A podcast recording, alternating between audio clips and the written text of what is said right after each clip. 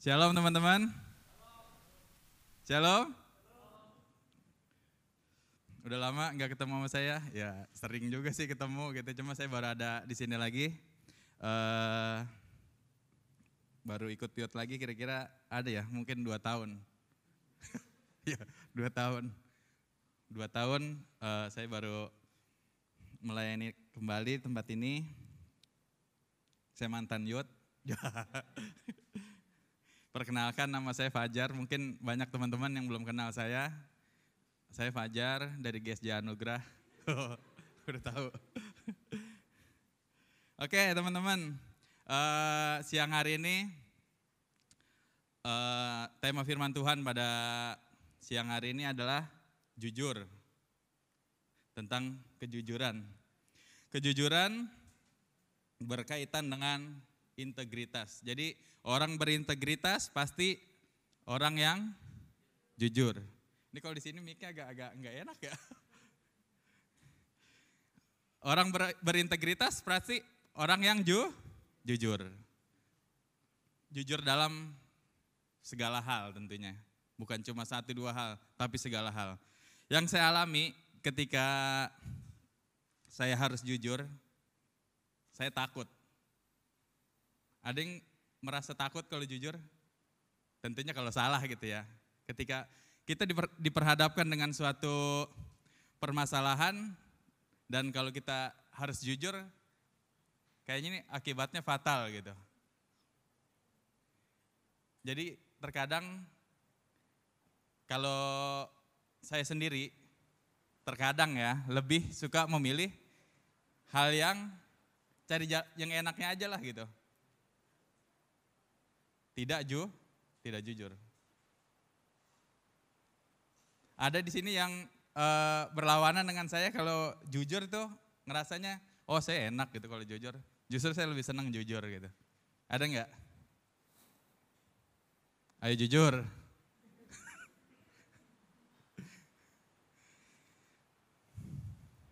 Terkadang kita ketika di, diperhadapkan dengan suatu keadaan di mana kita harus menanggung konsekuensi dari kejujuran kita, sering kali kita lebih memilih untuk ber, berbohong. Padahal enggak semuanya itu ketika kita berbohong menyelesaikan masalah, enggak. Justru di situ akan timbul masalah dari kita berbohong. Tetapi kalau seandainya kita jujur, apa yang ada di pikiran kita itu ketakutan yang menyerang kita gitu, yang membuat kita menjadi takut untuk jujur, Sebenarnya semuanya tuh nggak seperti itu. Nggak seburuk yang kita pikirkan. Padahal kalau kita jujur mungkin ketika bos tanya ke kita ini barang kenapa gitu, ternyata kita yang rusakin, kita kan takut dong gitu. Waduh kalau gue jujur ntar gue diomelin, ntar kalau gue jujur gue bisa dipecat. Kalau gue nggak ngerjain PR, gue bilang nggak ngerjain, gue takut dihukum. Tapi kalau gue bilang tugasnya ketinggalan kan, nggak dihukum gitu. Tapi nggak nggak begitu juga gitu. Ternyata kalau seandainya kita ketika disuruh mengumpulin tugas kita nggak kumpulin kita alasan ketinggalan, padahal yang yang nggak ngumpulin juga nggak diapa-apain gitu. Tapi kita udah ketakutan duluan gitu. Akhirnya kita bohong gitu. Ketika kita merusak barang yang punya bos tadi tuh, gitu, kita berbohong. Bukan saya yang ngerusakin, akhirnya kan semua orang tuh dicariin kan siapa yang ngerusakin gitu. Tapi ketika kita ngaku misalkan, oh saya mengakui kesalahan saya gitu. Mungkin uh, bos bos bos juga bisa langsung memaafkan gitu. Mungkin nggak jadi perkara yang besar gitu. Yang seperti yang kita pikirkan nanti kita dipecat, nanti kita uh, diomelin atau suruh ganti atau seperti apa begitu. Tapi semua yang ada di pikiran kita yang buruk-buruk belum tentu itu terjadi. Bisa bisa juga gitu terjadi gitu. Tapi kayaknya yang pernah saya alamin ketika saya berkata jujur, udahannya itu lega gitu. Wah, ternyata nggak sama yang kayak gue pikirin gitu. Ternyata ketika gue jujur, Tuhan kasih jalan. Gitu. Amin. Kita mau baca dulu di Matius 5 ayat 37.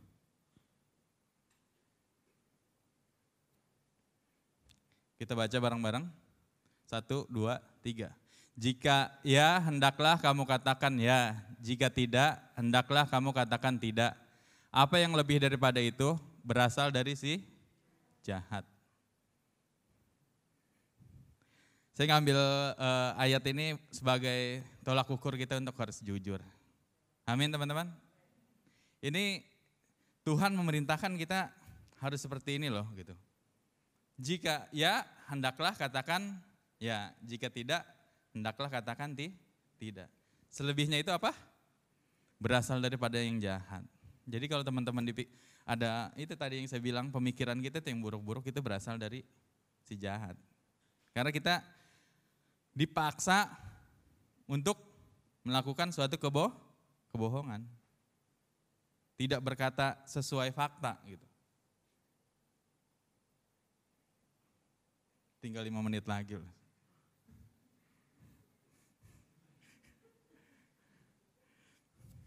Tentunya ketika kita melakukan apa? Berbuat jujur tuh enggak cuma di lingkungan di gereja aja kita kayak malaikat gitu kan. Baik gitu. Ada orang hmm, apa tuh memuji, wah lu bagus banget tuh penampilan lu tadi gitu, luar biasa banget. Gue sampai terharu gitu. Padahal apa yang dia katakan nggak sesuai dengan isi hati dia gitu. Padahal ah biasa-biasa aja dalam hati dia gitu. Cuma dia ngomong gitu. Itu suatu ketidakjujuran teman-teman. Teman-teman nggak nggak mengungkapkan isi hati teman-teman gitu. Sama aja teman-teman menjerumuskan mungkin ya. Mungkin gitu ya, ada ada ada sedikit seperti itu gitu. Ya mungkin kalau seandainya orang orangnya puasan gitu kan, wah orang-orang aja udah bilang gue udah udah oke okay kan gitu, udah udah bagus gitu. Penampilan gue udah oke, okay. pas gue nyanyi di gereja, uh, suara gue bagus gitu. Ya udah mungkin dia nggak mau menggali potensi dia lagi gitu, karena dia udah ngerasa, wah udah cukup gitu. Kadang-kadang pujian itu dan bisa menjatuhkan gitu. Dan kalau lihat itu ada quotes orang bilang nyamuk pun mati karena tepuk tangan teman-teman. Ya, nyamuk mati karena tepuk tangan gitu. Jadi ya balik lagi ke, ke kejujuran apa yang kita ungkapkan ya itu yang berasal dari isi hati kita gitu. Ketika kita lihat penampilan dia bagus, isi hati kita berkata bagus ya kita kita katakan itu bagus. Ketika kita melihat itu biasa saja ya jangan dibilang jelek banget loh gitu. Emang emang emang kita harus mengatakan jujur gitu, tapi kayaknya kata-katanya harus dirubah gitu, diperbaikin mungkin lo harus lebih ini atau kayaknya lo lebih bagus nih uh, nyanyinya tadi gini deh gitu. Mungkin ditambah-tambah apalah gitu. Jadi yang penting kita mengutarakan kejujuran kita. Dan ciri orang Kristen adalah eh ciri ya. Ciri orang berintegritas adalah ju, jujur. Dan integrit orang Kristen adalah orang yang beri, berintegritas. Itu yang Ko Jeffrey bilang di sini. Tapi memang orang Kristen adalah orang yang berintegritas. Nah, kalau kita mau lihat dari perlakuan atau tindakan ketidakjujuran di uh, kejadian lama, yaitu tentang Gehazi, teman-teman tahu? Gehazi di Raja-Raja 5 coba uh, Abel. Raja-Raja 5 ayat 27.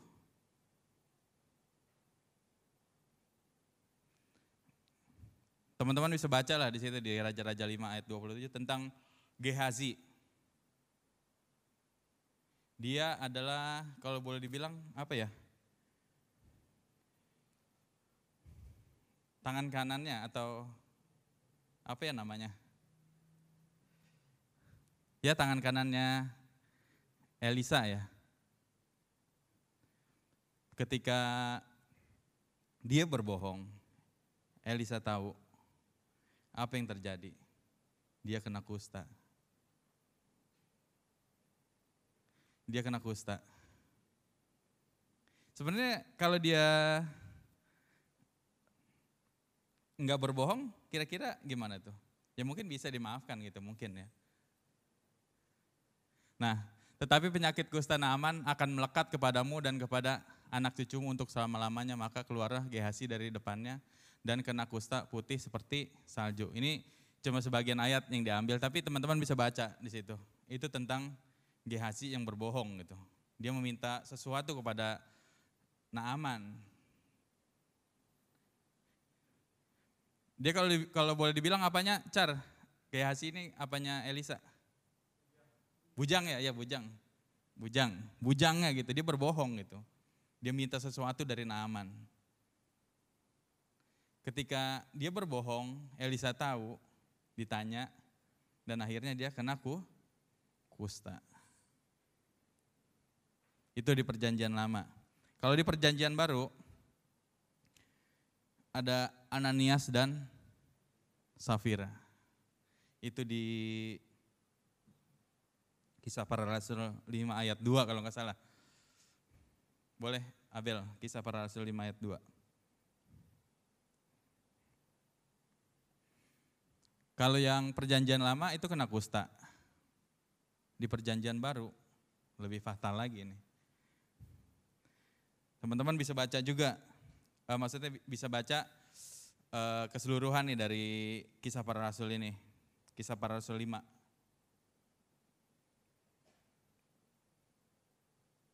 Tentang Ananias dan Safira. Ananias dan Safira pada uh, gereja mula-mula dulu uh, semuanya saling saling membantu lah begitu. Nah si Ananias dan Ananias dan Safira ini dia suami istri menjual tanahnya. Ketika dia menjual tanahnya, dia serahkan kepada Petrus, kalau nggak salah ya. Pada Petrus, dan dia diambil sedikit nih, gitu. Diambil uangnya dan sisanya baru diserahin gitu ke Petrus. Dan Petrus tanya, apakah uh, cuma segini gitu yang dijual? Dijawab, iya. Dan setelah dia menjawab ya, dan Petrus berkata di belakang sudah ada orang yang akan uh, menguburkan engkau gitu. Ini bahasa bahasanya bahasa yang saya ceritakan bahasanya seperti maksudnya bahasa saya sendiri gitu ya. Seperti itu.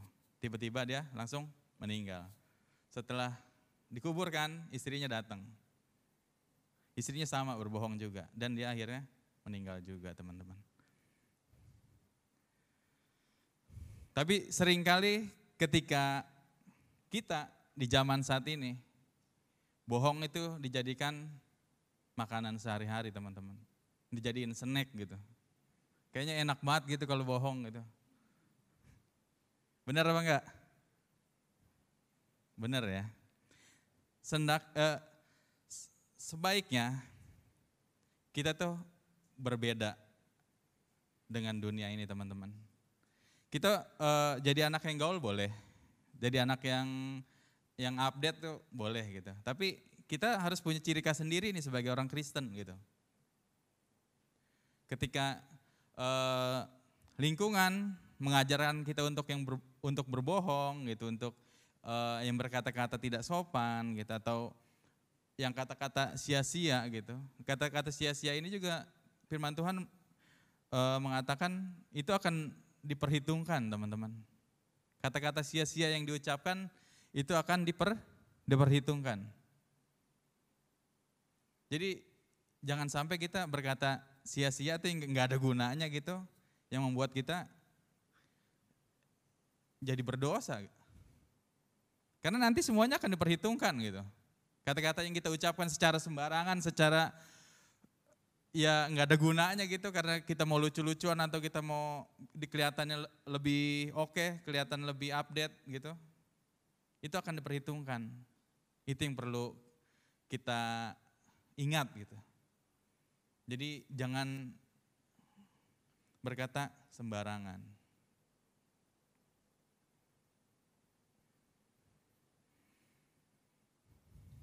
Dan dari kehidupan kita juga kita harus memancarkan Kristus dalam kehidupan kita. Salah satunya ketika kita berbuat jujur, orang pasti memandang kita lebih dibanding mereka yang berkatanya tuh nggak jelas gitu. Orang jujur ketika teman-teman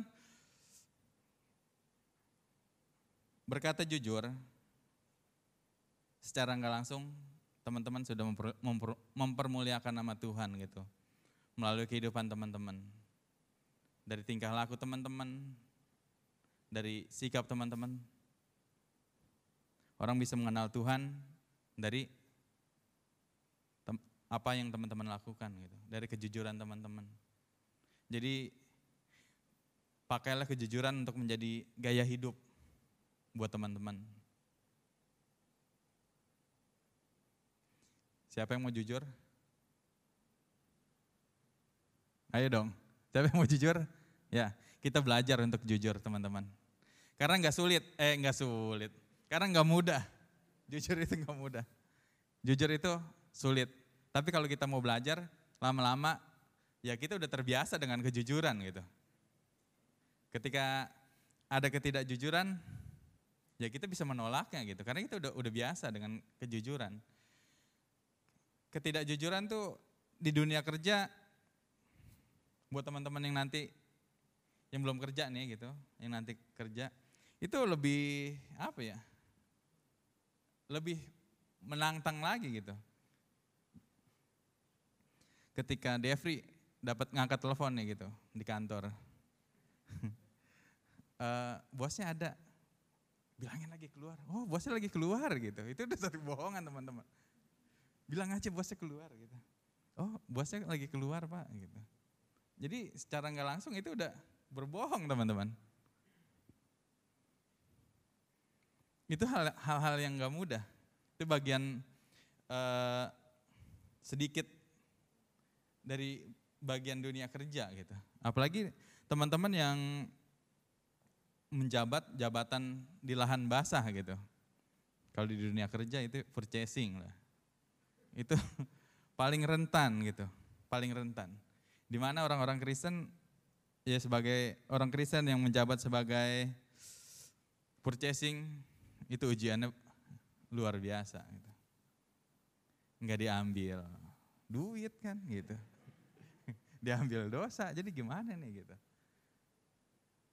Di situ teman-teman harus ngambil satu keputusan yang tegas. Gue mau jujur. Gue sebagai orang Kristen harus menunjukkan integritas gue gitu sebagai orang Kristen. Amin. Ketika sekolah teman-teman, apa yang gak jujur ya? Nyontek juga gak jujur teman-teman. Lu udah selesai belum? Wah ntar dia nyontek nih. Belum, belum, belum, belum selesai gitu. Padahal temennya udah udah selesai, dia cuma nanya doang gitu kan. Udah bohong gitu. Padahal temennya nggak nggak nggak nggak mau minta jawaban gitu, enggak gitu. Lu udah selesai belum? Belum, belum. gue udah kata dia gitu. Ya, gue bohong. Banyak, banyak tantangan di dalam kehidupan keluarga kita ketika kita bergaul dengan teman-teman. Bagaimana kita bisa menunjukkan kejujuran kita dalam dalam kehidupan kita sehari-hari.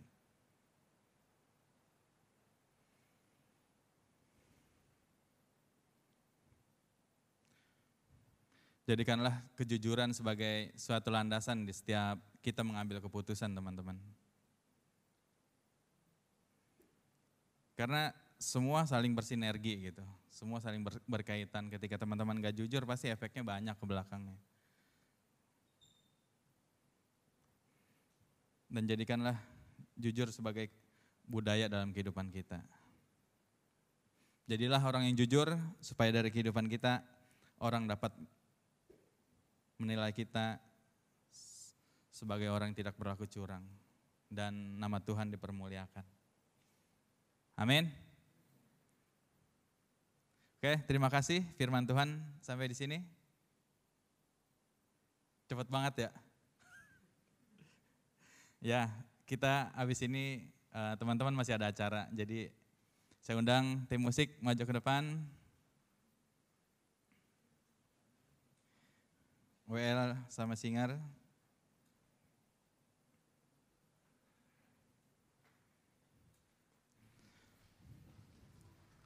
Suatu kejujuran yang harus kita pegang teguh dalam kehidupan kita.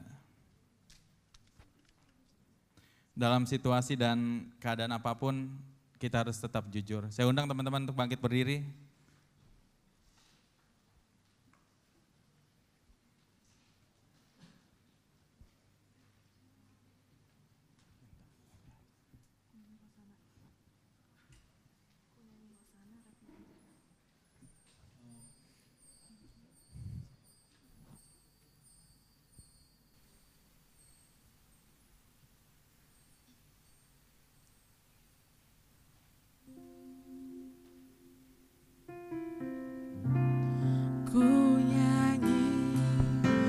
Kepada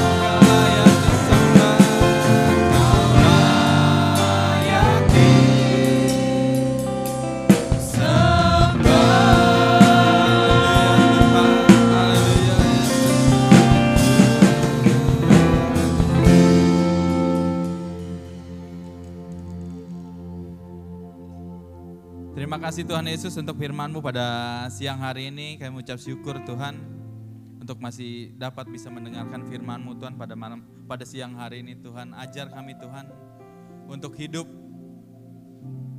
untuk menjadi orang-orang jujur Tuhan. Dan jujur menjadi gaya hidup kami Tuhan. Dan menjadi ciri khas sebagai kami anak-anak-Mu Tuhan untuk hidup jujur Bapak.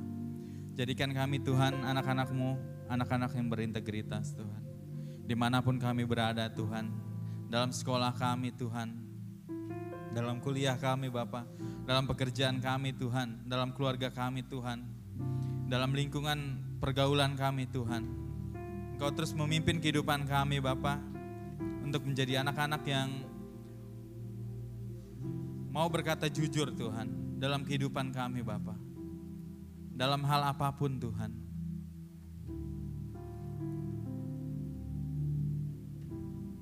Dan mari Tuhan, firman yang sudah kami dengar pada siang hari ini Tuhan. Engkau menolong setiap anak-anakmu Tuhan dan biar roh kudus terus berkata-kata dalam hati mereka Tuhan, hati kami semua Bapa untuk kami dapat lebih mengerti lagi firman-Mu pada siang hari ini Bapa. Roh Kudus menuntun kehidupan kami, menyertai kami Tuhan di mana pun kami berada dan terus memberikan keberanian kepada kami Bapak untuk kami selalu berkata jujur Tuhan. Mungkin itu sulit Bapak, tapi bagimu tidak yang mustahil Bapak. Karena Engkau beserta dengan kami Tuhan. Kami mampu melakukan perkara-perkara yang besar Tuhan. Kami boleh menjadi pemenang Bapak. Terima kasih Tuhan, terima kasih. Kau berkati setiap anak-anak muda di tempat ini Bapak. Setiap anak-anakmu Tuhan dan juga pengurus youth di tempat ini, kau pakai mereka menjadi alat untuk kemuliaanmu Tuhan di tempat ini Bapak. Kau pakai mereka untuk lebih lagi Tuhan. Dan biarlah Tuhan anak-anak muda dapat dijangkau Tuhan melalui pengurus-pengurus youth yang ada di tempat ini Bapak. Terpujilah namamu Bapak, mulialah nama Bapak. Kami serahkan acara kami selanjutnya ke dalam tanganmu Tuhan. Biar yang selalu dipermuliakan dalam kehidupan kami Bapak. Dalam nama Tuhan Yesus kami sudah berdoa dan ucap syukur. Haleluya. Amin. Silakan duduk teman-teman. Tuhan Yesus memberkati.